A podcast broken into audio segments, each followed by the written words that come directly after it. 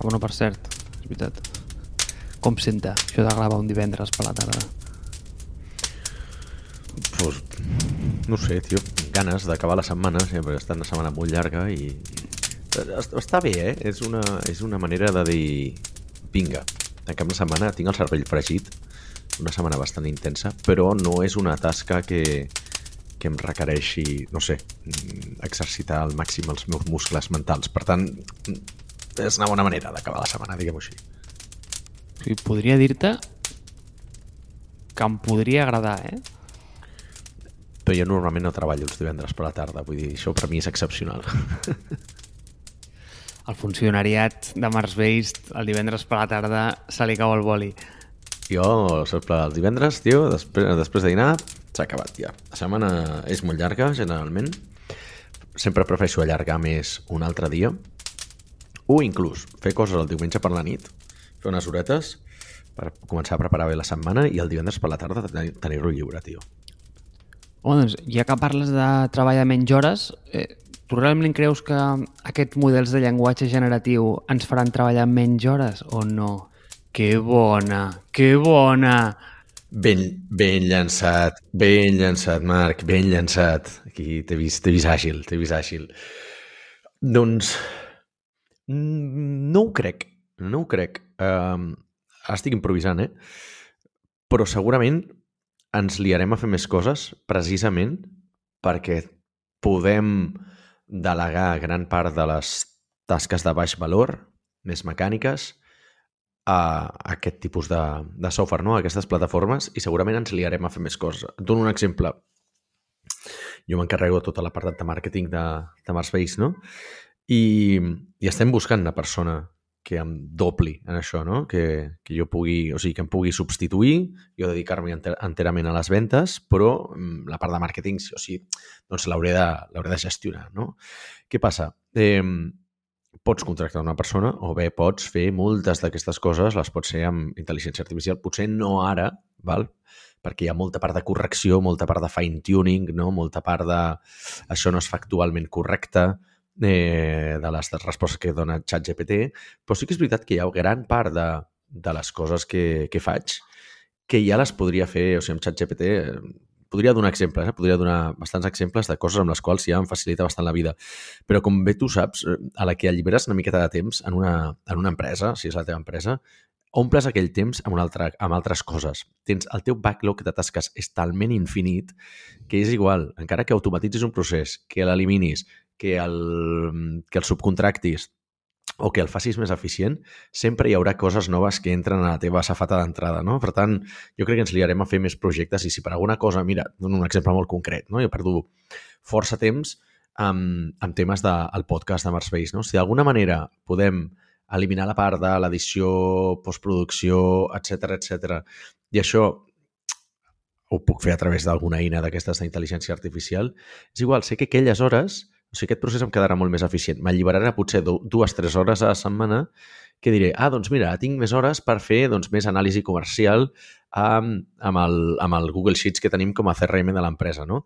I és igual, perquè si això també ho acabo automatitzant, doncs acabaré generant el contingut de les newsletters de l'empresa també amb, amb aquestes eines. I el, algun dia el social media, perquè no en fem... O sigui, tinc tal, ja dic, tinc un backlog tan llarg allà de coses que en el curt mig plaç no se m'acabarà la feina, no treballaré menys, ja t'ho dic. I també per la naturalesa que tinc de sempre anar-me a crear coses noves, no crec que... No, si per bé que m'agradaria treballar menys hores, no, no crec que sigui el, el resultat d'aquesta situació.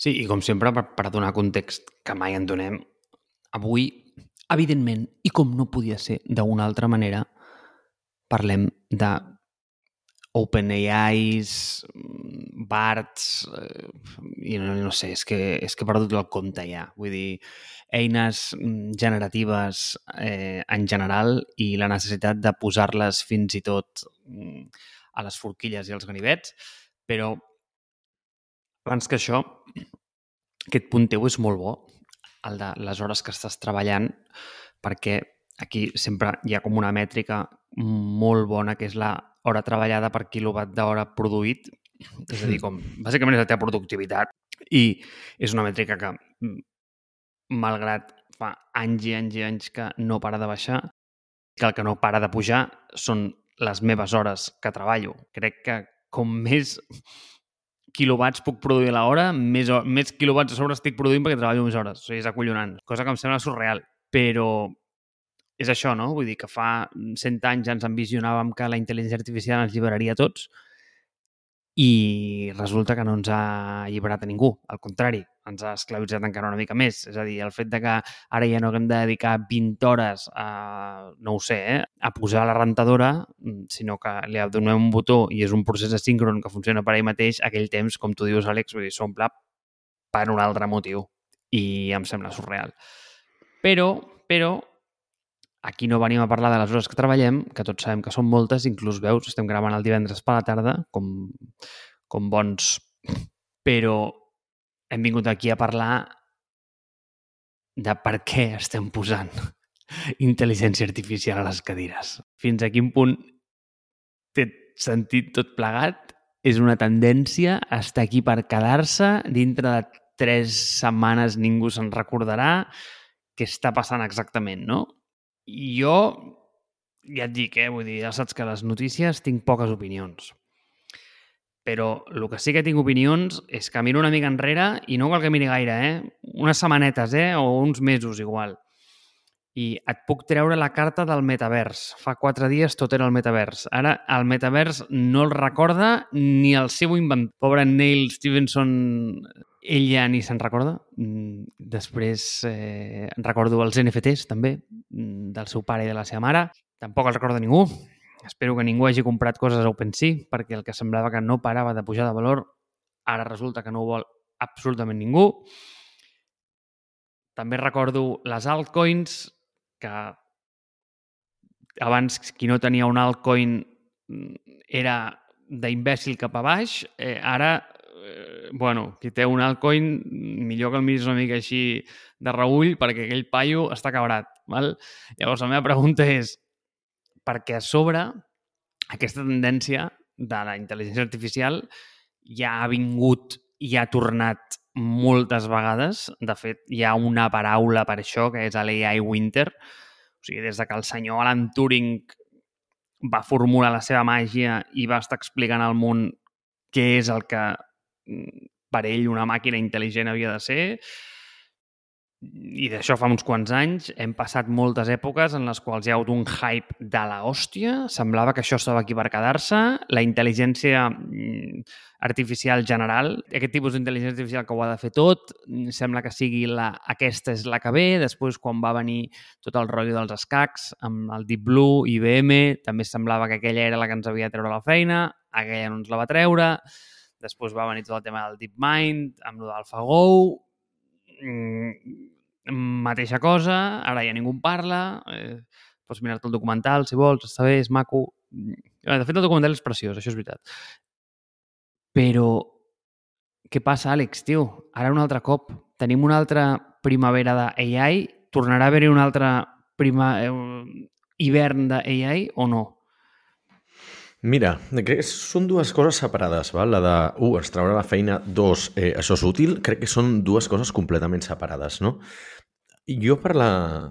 Començaré pel final, perquè crec que aquest cop és la que, la que va de debò, és perquè d'alguna manera hem trobat els, els casos d'ús, o sigui, s'ha fet suficientment generalista i accessible perquè la gent eh, normal i corrent la pugui fer servir. Alguns la faran, ja, ja l'han estat fent servir sense saber-ho? Tots aquests anys entrenant eh, els algoritmes de Google, TikToks, Instagrams i totes aquestes històries. Vull dir, allà ja hi ha hagut un, un entrenament sense que ho sapiguéssim. Sense que ho sapiguéssim. Vull dir, tu i jo potser, potser ho sabíem, molta altra gent potser no. Però eh, ara hi ha gent que ja l'està fent servir eh, de manera conscient, no? O sigui, eh, fora de bombolla tech, com dic sempre, ningú sap què és ChatGPT, no? Ni Midjourney, ni, ni Stable Diffusion, ni coses d'aquestes. Però, però és veritat que s'han abaixat suficientment les barreres com perquè ho pugui fer servir gent amb casos d'ús clar. Val? Per què és important aquesta distinció? Perquè així com hi ha hagut dues coses, hi ha hagut com dos factors pels quals aquests projectes que has mencionat tu no han funcionat i te'ls classificaré una mica. I A, perquè no tenien un, clas, eh, un clar cas d'ús, però eh, l'adopció ha estat més o menys ràpida i accessible, com per exemple les altcoins, els DAOs, els NFTs i tot això. El cas d'ús no ha existit, ha estat tecnologia buscant una solució. Val? I la gent experta et dirà, sí, sí, té aquest cas d'ús, no sé què. És un cas d'ús que només li interessa a ells i que probablement només ells entenen, no? Estic banalitzant-ho molt, però francament està així. I segurament s'ha obert les portes a tota aquesta tecnologia, no? el que mencionaves tu, tots el, els NFTs, la gent els, els comprava abans de poder-los entendre. Potser es va obrir massa les portes massa ràpid a gent que va portar molt poc valor a la tecnologia en si. Aleshores, si una tecnologia no té molta substància i a sobre la inundes amb, amb marketers, hustlers i tota aquesta gent que es dedica a carregar-se els projectes que tenen bones intencions, doncs el projecte se'n va a la merda, no? I després, o sigui, aquest és un cas, no? El clar cas de eh, tecnologia que, que, bueno, no aporta molt de valor i se li ha ficat massa gent. I després hi ha tecnologia de molt alt valor, val?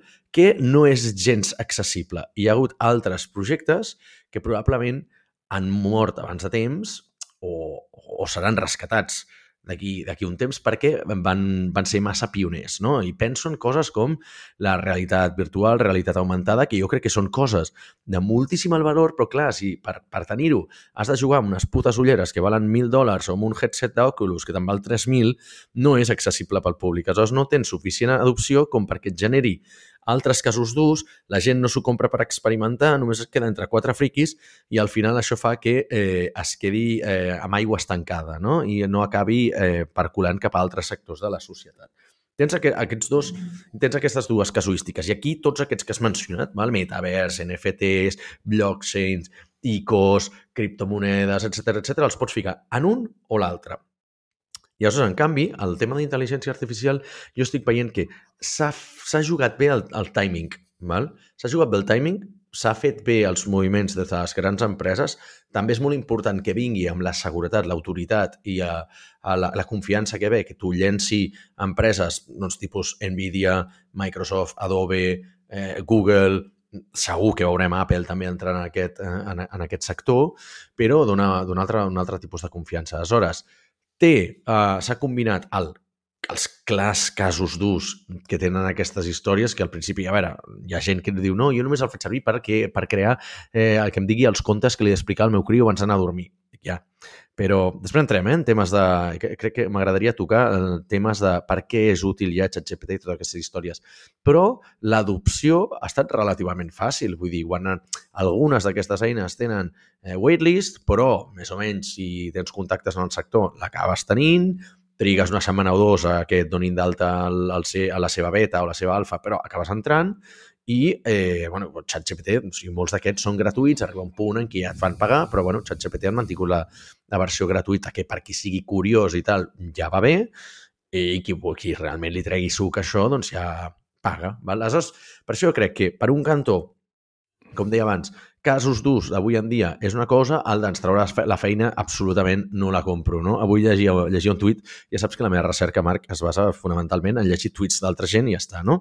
Avui llegia un tuit que era molt bo, diu, sí, si la intel·ligència artificial eh, en, ens, ha, ens ha de treure la, la feina, els dissenyadors d'avui en dia encara estarien fent servir Flash, saps? Vull dir, aleshores dic, és un, bo, és un bon exemple, saps? És un bon exemple per dir, no, no, no, no, té, re, no té res a veure, saps? O sigui, jo crec que una cosa no té res a veure amb una altra, t'eleva, eh, et desplaça, et, et, et transforma com a professional, però no eh, fer-la suficientment generalista com perquè pugui fer qualsevol feina, ho veig molt lluny, ho veig molt, però, però molt lluny encara. Val? Per tant, eh, casos mm, específics, d'avui en dia i tal, sí, mmm, coses suficientment generalistes com per transformar el planeta, encara no. A veure, sobre això estic absolutament d'acord amb el tema de les feines. Vull dir, aquí no... És que no, és que no tinc cap punt. És a dir, vull dir, pensar que això és el qui t'ha de treure la feina és que realment has de plantejar la feina que fas, no? I, i, i la teva capacitat d'adaptar-te, no? També. Vull dir, i em sap greu ser tan com es diu tajante? Taxatiu. Però... Uf, sí, ho hem dit a la vegada, que maco, eh? Molt maco, això, aquests moments, Marc. Quins moments ens dona el divendres? Quins moments? Quins moments, me cago en Déu. Doncs, eh, perdó per ser tan taxatiu, però és que és la realitat. És a dir, si O sigui, em ve al cap un conductor de cavalls. És a dir, si un conductor de cavalls no hagués après a conduir, igual mm, avui dia d'avui no tindria feina, però no seria culpa dels cotxes. Al final és que també el, el, la teva eh, professió evoluciona i, i és una cosa que s'ha d'entendre i està en la naturalesa humana, no? Vull dir, això és, eh, és, crec que és un punt inevitable. Però el que sí que no veig molt clar és aquesta línia de l'accessibilitat, ¿vale? I, per, i t'explico, t'explico. Aquesta idea, a mi em fa gràcia, aquesta idea, que ara estem posant absolutament a tot models generatius i estem fent eh, doncs, aquest cas de, aquest cas d'ús d'intel·ligència artificial quan, clar, el 2009 o el 2011, no sé si va ser el 2009 o el 2011, ara no recordo, crec que el 2011, el 2011. Que d'això en fa 12 anys i 12 anys tecnològicament són 17 mil·lennis, amb l'idioma, és com el dels gossos, que, que el, que el sí. temps no, no funciona igual. Equivalència és aquesta, sí, sí va aparèixer Siri. I llavors jo dic, sé que no és el mateix, sé que la implementació no ha estat la mateixa, però, un, quina oportunitat perduda. Vull dir, em sembla surreal que aquest producte porti 12 anys al mercat i estigui on està ara. Aquesta és la primera. O que encara estigui. O sigui, trobo... No sé, trobo estrany que no hagin matat aquest projecte. I, que, i no només Perquè no, no serveix matat, absolutament de res. Si és que exacte, no... exacte, però és que, però, ojo, ojo, eh? A veure, ells tindran les mètriques i sabran millor que ningú, eh? Però, clar, Àlex, tu pensa que no només no l'han oblidat, allò, bueno, va, ha caigut a l'oblit i ja està, és igual, no importa, sinó que l'estan fomentant versió darrere versió, però és que segueix sent igual de dolent i inútil. Val. La meva teoria conspiracionista és que sí que serveix i serveix per molt, però no estan donant els resultats. És a dir, s'estan quedant, estan entrenant amb dades perquè ahir mateix, tio, ahir mateix anava pel carrer i vaig sentir un, hòstia, paio amb una pinta kinky al·lucinant, eh, moltes cadenes d'or, no sé què, i sento dir, Siri, llama a mi vieja. I dic, hòstia, o sigui, si Siri entén això, jo crec que la gent a Apple i totes aquestes, uh, o sigui, Alexa i tots els altres assistents virtuals que tenen, com es deia el de Microsoft? Cortana, no? Sembla que es deia? Cortana. Eh, eh, estan realment, sí que estan treballant, en, tenen talment tantes entrades, talment tants inputs i dades que processar, que diuen, ens ho quedem per nosaltres, com que no millorarem substancialment uh, fent noves entregues d'un assistent virtual amb un output millorat, quedem-nos-el per nosaltres només fins que tinguem una cosa revolucionària. Crec, eh? Per anar a treure petits increments graduals. Ai, ara amb Siri pots canviar tal cosa, no? I ara t'entén això. Mm, no té sentit. O sigui, jo crec que és una, una lluita que no, es, no guanyarà cap dels tres. No, és una cursa que, que la guanyarà un, un nou producte, val? o sigui, un derivat d'haver estat entrenant tota, tot aquest corpus uh, de dades tots aquests anys i sortirà una cosa revolucionària, no? O sigui, com si ara diguéssim, com si ara Microsoft tragués eh, un nou producte que no és Cortana, però que ha estat entrenat amb Cortana tots aquests anys i treuen el puto clipo de tota la vida, saps? I, i que és el que serveix com a assistent virtual per orquestrar totes les mogudes que tens amb Microsoft, ja sigui el, el GitHub Copilot, com, sigui com la suite d'Office, com totes les altres eines de, de Microsoft que ja tenen eh, aquesta còpia que han fet de, de Notion que, que es trenca cada dos per tres, no sé si l'has provat tu, però, però, però mm, té intel·ligència artificial, no? Eh, el que guanyarà la cursa és una derivada d'aquestes, no? I jo crec que l'estratègia que estan fent és de, bueno, mm, ja no té sentit guanyar aquesta cursa perquè no té rellevància, val?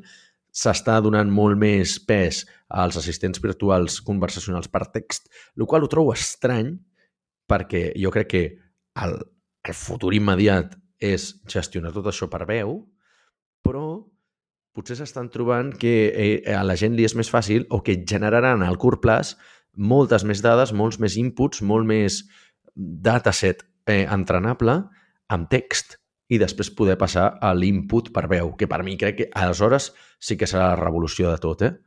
Perquè, però bueno. Sí, però cuidado, eh? Perquè és que és el que dèiem, eh? A veure, que hagis fet això per entrenar una mica de, de corpus em sembla bé, però és que portes molt temps entrenant, eh? Ei, xato, surt a jugar algun dia, eh, també, perquè 12 anys són molts, eh? Són molts anys, eh? Però és que, per altra banda, aquest futur que t'imagines, que dius que mm, aquesta funcionalitat, que aquest clipi que orquestra tot, a veure, en realitat, mira, la meva recerca per aquest episodi va ser i de veritat, eh, mirar-me, en lloc de posar-me una sèrie d'HBO, em vaig posar a la venda de Microsoft de l'altre dia i en allà aparegui el Copilot, que és el Copilot de GitHub, però és el Copilot sí. per todo. O sigui, és el que vam tu al costadet sempre, segons ells. Llavors, igual és una bona, una, una bona implementació o una bona diguem, un, un attempt, a, un, un, una intentona a provar, a provar a fer això. Llavors, l'altra la, cosa que jo em pregunto és si ningú s'ha qüestionat el model de negoci que hi ha darrere d'això. O sigui, Microsoft va anunciar que feia servir les, les cards de, NVIDIA, les H100 i les A100. Tio, aquestes cards, o sigui, valen 15 melons cada una, eh? O sigui, tranquil·let, eh? Tranquil·leta. O sigui, vull dir, muntar un farm d'això no és per, per res barat i aquesta està l'altra. Si us plau, o sigui, per tots els que van ser escèptics del, del criptoescenari apuntant que eren uns eh, inconscients del medi ambient, Déu meu, que també s'apuntin al carro de l'AI, eh? perquè no sé on tenim un consum elèctric més gran si a un cantó o a l'altre, perquè, mira, minar eh, blocs de Bitcoin, al final, mira, tenia el mercat que tenia, que en el seu moment va ser molt ampli, però això ho està fent servir absolutament tot Déu. Sí. És increïble. O sigui, és increïble. I, i, so, i sobretot veient com la naturalesa poc descentralitzada que té, perquè OpenAI se les dona de, de ser obert, però és de tot menys obert. O sigui, no publica els seus models, no tens ni idea de quan gran és el dataset. Vull dir, a veure, em fa molta gràcia que posa Open en el nom, però, però té de tot menys Open. I, i sobretot, que igual que amb totes les coses que fem, i el que tu has dit, eh, és que a més n'has tret, has tret exemples bons. O sigui, tio, el, el tema de les ulleres virtu del, del VR. Tio, ara tot era VR, tot era VR. Ara el VR no se'n recorda ningú. Inclús recordo que va haver-hi com les, en el seu dia els televisors 3D, que dius, sí, els televisors 3D. Hòstia, sí. Sí, Criminal, sí. allò. Ningú se'n recorda dels televisors 3D. Eh, Ningú se'n recorda. I, i, I és això, no? I, I llavors, durant aquell curt període de temps en el qual ens vam posicionar per això, hòstia, vam posar 3D, bueno, està a la pantalla del cotxe. I ara aquí, igual, estem posant xat pues això, pues, pues està... Mira, un dia d'aquests l'aplicació del, del, del Cira em sortirà i em, em sortirà un xat GPT en allà, saps? I llavors aquell dia ja sí que em, eh, em donaré per vençut a la raça humana, no? Però, ostres, si dones un pas enrere i ho penses una mica a nivell de producte, o sigui, què estem fent i què està passant aquí, ostres, comencem a mirar com realment on té sentit i on no, no? Perquè no tot té lloc per tenir un xat GPT. I clar, vaig veure l'altre dia que xat GPT treu un plugin i en el moment que treu un plugin resulta que com a partners tenen Expedia, a Klarna, a OpenTable, a Kayak, Instacart, Zapier, Wolfram Alpha... Tenen com absolutament a tothom. Clar, el moment que és un plugin, nen, bueno, eh, drag and drop, eh?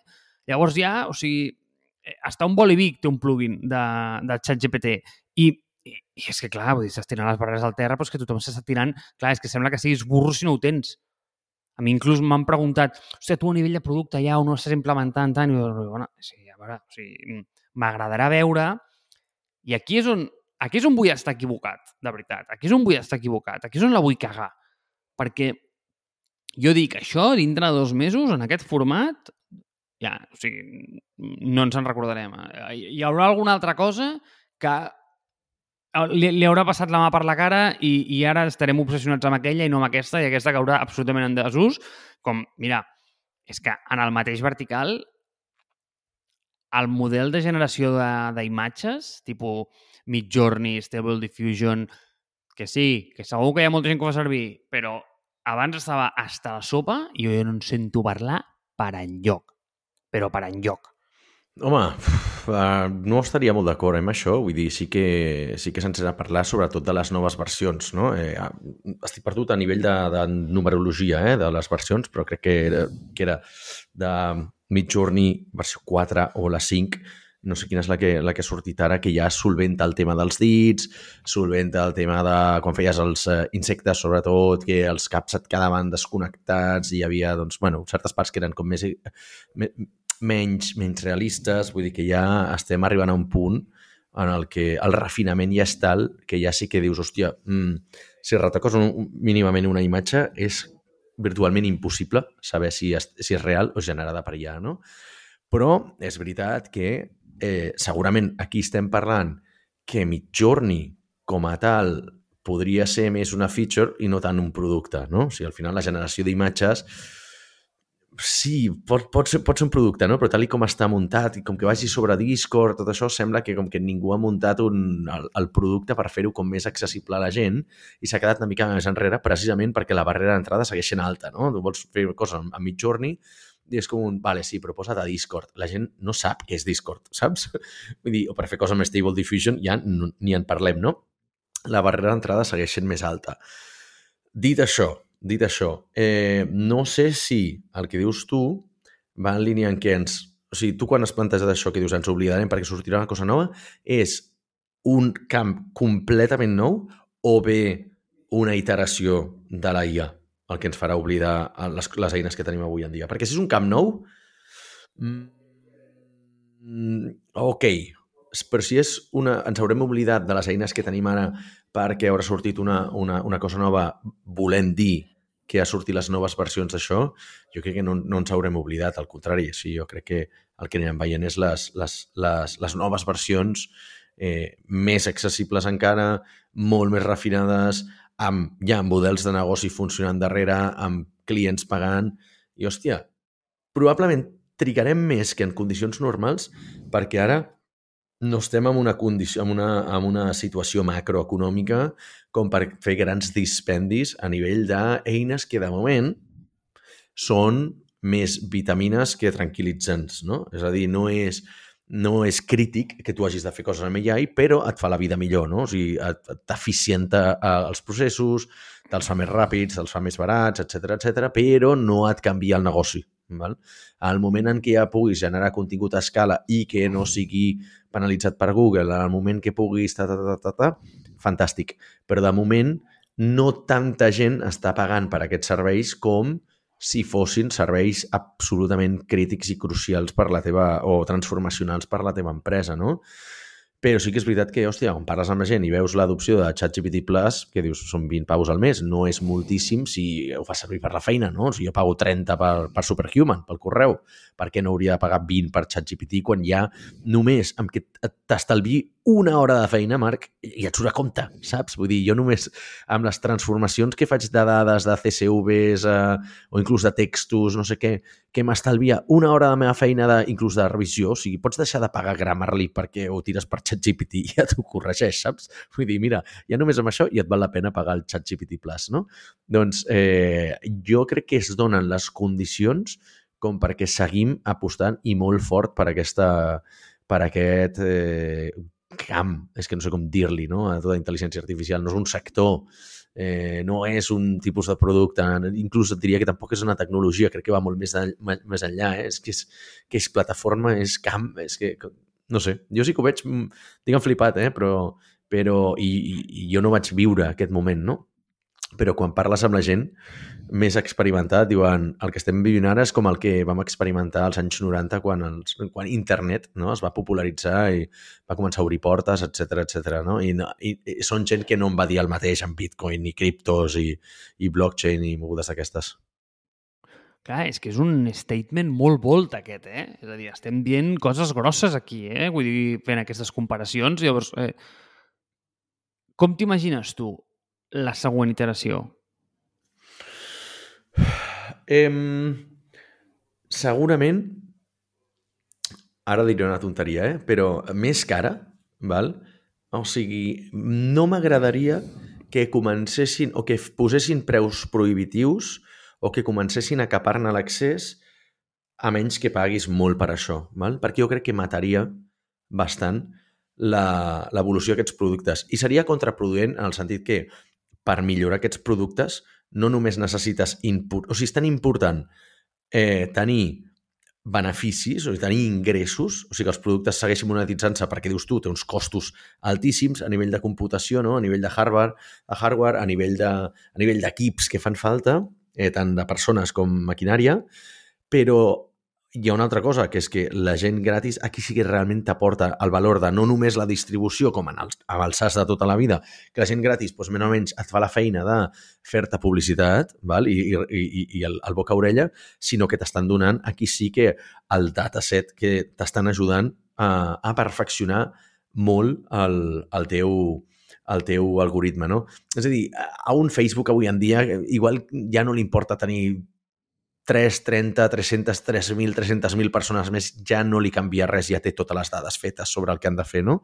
Però per aquestes eines que estan en un estadi tan incipient, és absolutament vital tenir quanta més gent possible entrenant, o sigui, ingestant dades al seu sistema, no? Per tant, jo crec que, o sigui, m'agradaria eh, que no posessin, o sigui, que fessin eh, servir, per exemple, el camí de ChatGPT, no? És, bueno, mmm, pots pagar, per tenir més velocitat i, i una miqueta més d'early access a les noves funcionalitats i tot això, però ens interessa tenir quanta més gent possible, per tant, deixem el tier gratuït, que serà limitat, amb el freemium de tota la vida. Si ho fan així, veurem evolucions molt i molt i molt ràpid, eh, més del que ens pensem. Avui ja, ja bueno, avui, que, avui o ahir que sortia el tema dels plugins de ChatGPT, no? O sigui, eh, un exemple d'una persona que diu, mira, he posat un vídeo a ChatGPT i m'està fent les transformacions de vídeo. Allò que ja no per canviar els còdecs d'un vídeo, el format que havies d'anar, si, hòstia, amb, amb Linux o amb Mac, amb la línia de comandes, una cosa espectacular, no?, a nivell de feinades i... No, aquí li dius, eh, converteix aquest vídeo a AVI i comprimeix-lo, treu-me els, els sis primers segons del vídeo, ara fes-me un clip de, eh, no sé, saps? Vull dir, afegeix-li aquesta música de fons i que no, es, i que, i que no interfereixi amb la veu. Totes aquestes coses, amb un... Eh, s'ha fet una, cap, una captura de pantalla en vídeo fent tot això i li feia les transformacions ChatGPT. O sigui, literalment estàs creant un equip virtual del, de, amb una... com si fos una persona eh, que és capaç de fer-te qualsevol cosa, no? Si, si aconseguim arribar aquí, et dic, jo encantat de veure i, i contribuir per, per tenir aquestes dades perquè és que ens donen superpoders a nivell de, a nivell de, a nivell de, de, de, de, performance. Et diré un altre, un altre, o sigui, dos exemples clars, eh? que és el que deia abans. Jo, per exemple, sóc una persona amb Excel absolutament negada, però és veritat que, cony, mitja empresa corre sobre Excel, jo tinc les meves finances personals amb Excel i tinc alguns altres Excels per coses, no? I sempre, hòstia, sempre em fa molta mandra haver de pensar com s'articulen aquestes coses, no? Si transformar les coses que tinc al cap a eh, instruccions o fórmules d'Excel, clar, jo no sé, o sigui, Excel d'alguna manera assumeix que tu ja coneixes la diferència entre, entre una desviació estàndard i, saps? Vull dir, has de tenir els conceptes de desviació estàndard, una, una mediana, una mitja aritmètica, un no sé què. Potser no ho saps, saps? Aleshores, quan tu ets capaç de dir... O sigui, quan a, a, totes aquestes eines són capaces de com interpretar el que tu voldries dir, no el que estàs dient, el que tu voldries dir, si realment sapiguessis, tinguessis el llenguatge eh, específic, eh, és molt potent, no? Llavors poder-li dir mm, d'aquests cinc, dels últims cinc anys, on és que he gastat més pasta, saps? Sense comptar la categoria tal. O si treus els meus ingressos, realment, quan, quants moviments faig?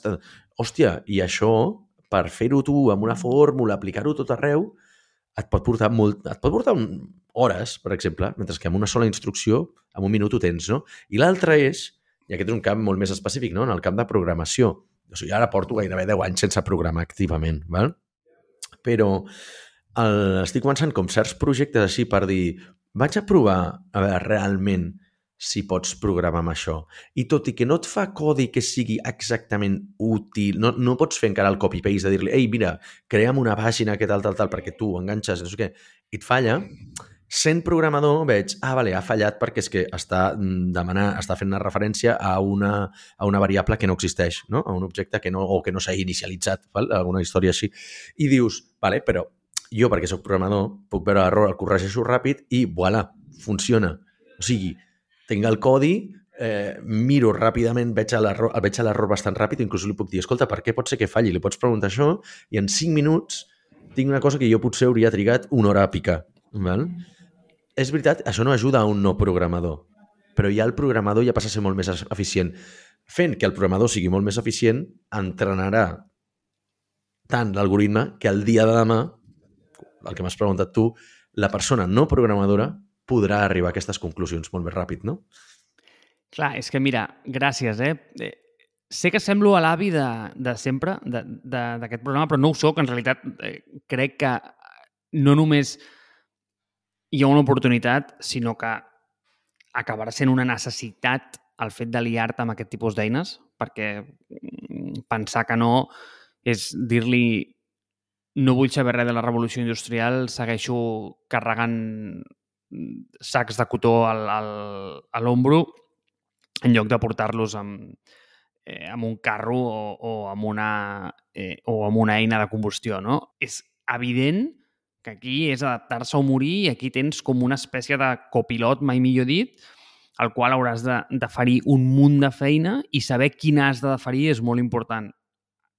A mi m'agrada pensar molt com que això li està donant vitamines i accessibilitat a un concepte, doncs, jo que sé, per exemple, tipus un, un script o, o una rutina de Zapier, no? Vull dir, coses que passen mentre tu dorms, on realment és com si tinguessis moltíssimes mans que estan treballant per tu a la vegada mentre tu estàs fent altres coses més importants, Exacte. coses que abans tenies que fer, però ara a sobre l'accessibilitat que té això és increïble, no?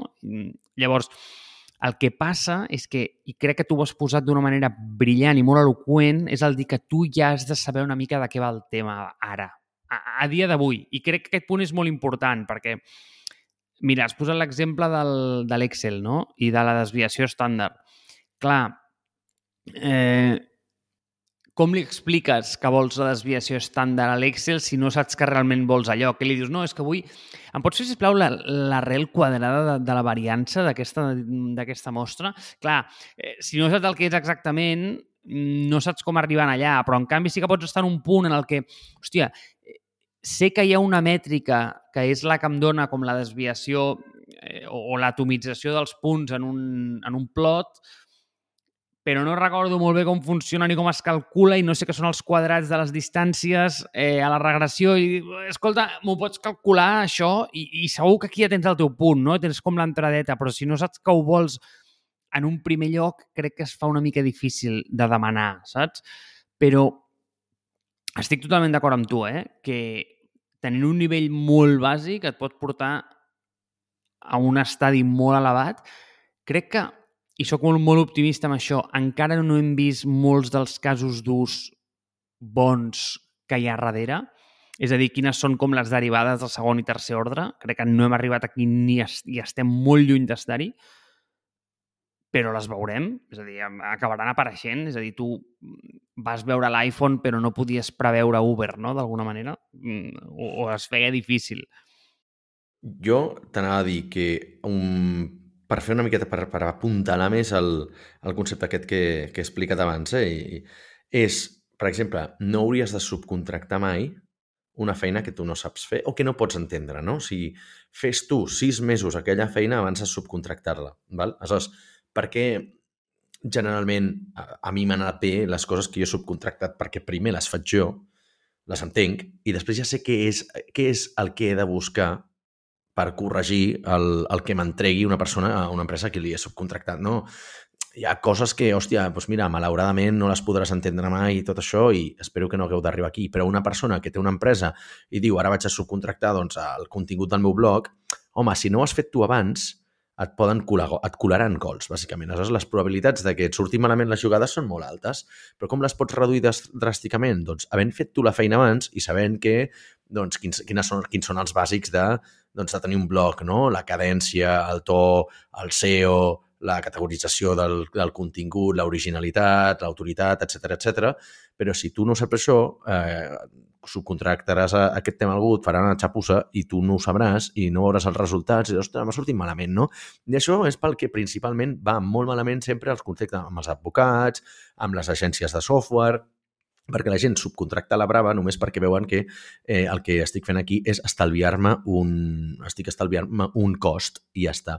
Però no tenen mai cap tipus de voluntat de, ni d'aprendre ni d'haver fet el fotut esforç d'entendre de, de, el que estàs fent o el que estan subcontractant i aleshores, clar, sempre acaba sortint malament, no? Perquè al no haver fet tu la feina també acabes donant les instruccions inadequades. I això és una, per exemple, és una de les coses que crec que la gent encara no està fent bé amb les eines d'intel·ligència artificial, val? perquè és que els està fent, la, com, com es sol dir, eh, si no fas la, la pregunta adequada no rebràs la, o sigui, no fas la pregunta correcta no rebràs la resposta correcta, no?